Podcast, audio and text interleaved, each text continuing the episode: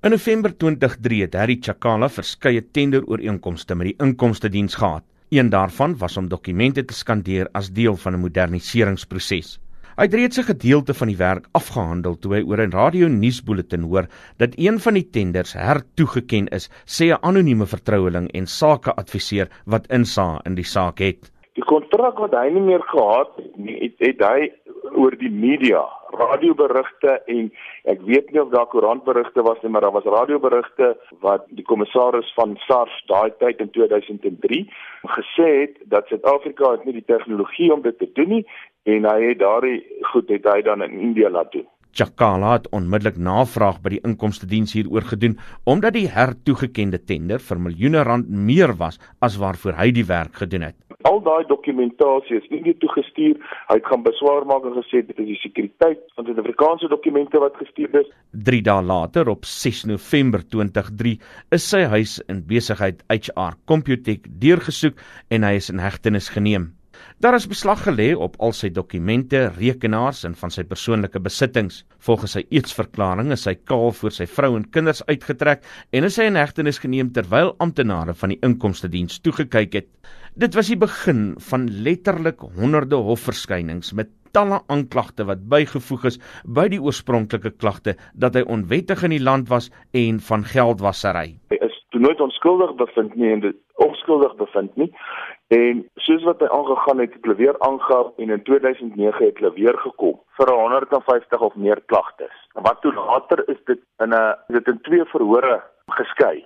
Na die skeiding het die proses aangeloop tot nou toe. Maar hy was toe op 'n stadium in 2014. Hy is gearresteer by die hof terwyl hy honderde keer aan die hof verskyn en hy moes weer 'n borgaansoek bring vir bedrog wat gaan oor TCC wat die Engelse sê is 'n tax clearance certificate. Verskeie van sy tenders met ander staatsdepartemente is in die tyd opgeskort. Daar is nog uitstaande sake teen Chakala, maar intussen is hy onskuldig bevind aan 52 hiervan en het Landros besyde nou die inkomste diens en die nasionale vervolgingsgesag bygekom oor onreëlmatighede. Op grond hiervan eis Chakala nou 12 miljoen rand van sy geld terug van die inkomste diens. Daar uitspruit voort dat SARS onregmatig gelde van hom gevat het en wat nou terugbetaalbaar en opeisbaar is. En julle beplan nou aksie, verdere aksie hieroor. Wat presies doen julle? Sover my kennis strek is daar prokureurs besig om 'n lasbrief uit te reik teen SARS vir die terugbetaling van daardie gelde soos in die uitspraak van waar hy onskuldig bevind is. Eise teen die minister van Justisie en die minister van Finansies word ook voorberei. Volgens berigte word verskeie IT-ooreenkomste wat aan Pravin Gordhan se tyd as kommissaris van die inkomste diens toegeken is, ondersoek.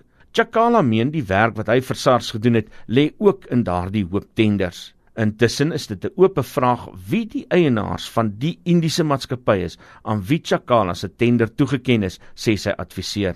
Gister was daar 'n rug in die Business Day wat gaan oor ons minister van finansies waar hulle spesifiek sê Hulle sê SARS has also launched an investigation into IT contracts as part of the modernization project awarded during Gordon's tenure as SARS commissioner. En daai is nou van 2003 was presies die modernisering van dit en daai goed is nou gegee vir Indiese maatskappy. Wie die Indiese maatskappy is, sal SARS moet antwoord. Dit was 'n anonieme vertroueling en sakeadviseur van die sakeman Harry Chakala. Spectrum het op versoek van die woordvoerder van die inkomste diens Sandile Mimela 'n lys van vrae aan hom gestuur wat uit die storie spruit. Ons wil onder meer weet wie die Indiese maatskappy is aan wie die tender hertoegeken is, wie die eienaars daarvan is of was en of Chakala se tenders deel vorm van die IT tenders wat ondersoek word uit die tyd van minister Pravin Gordhan se termyn as belastinghoof. Ek is Isak Du Plessis vir SAK nuus.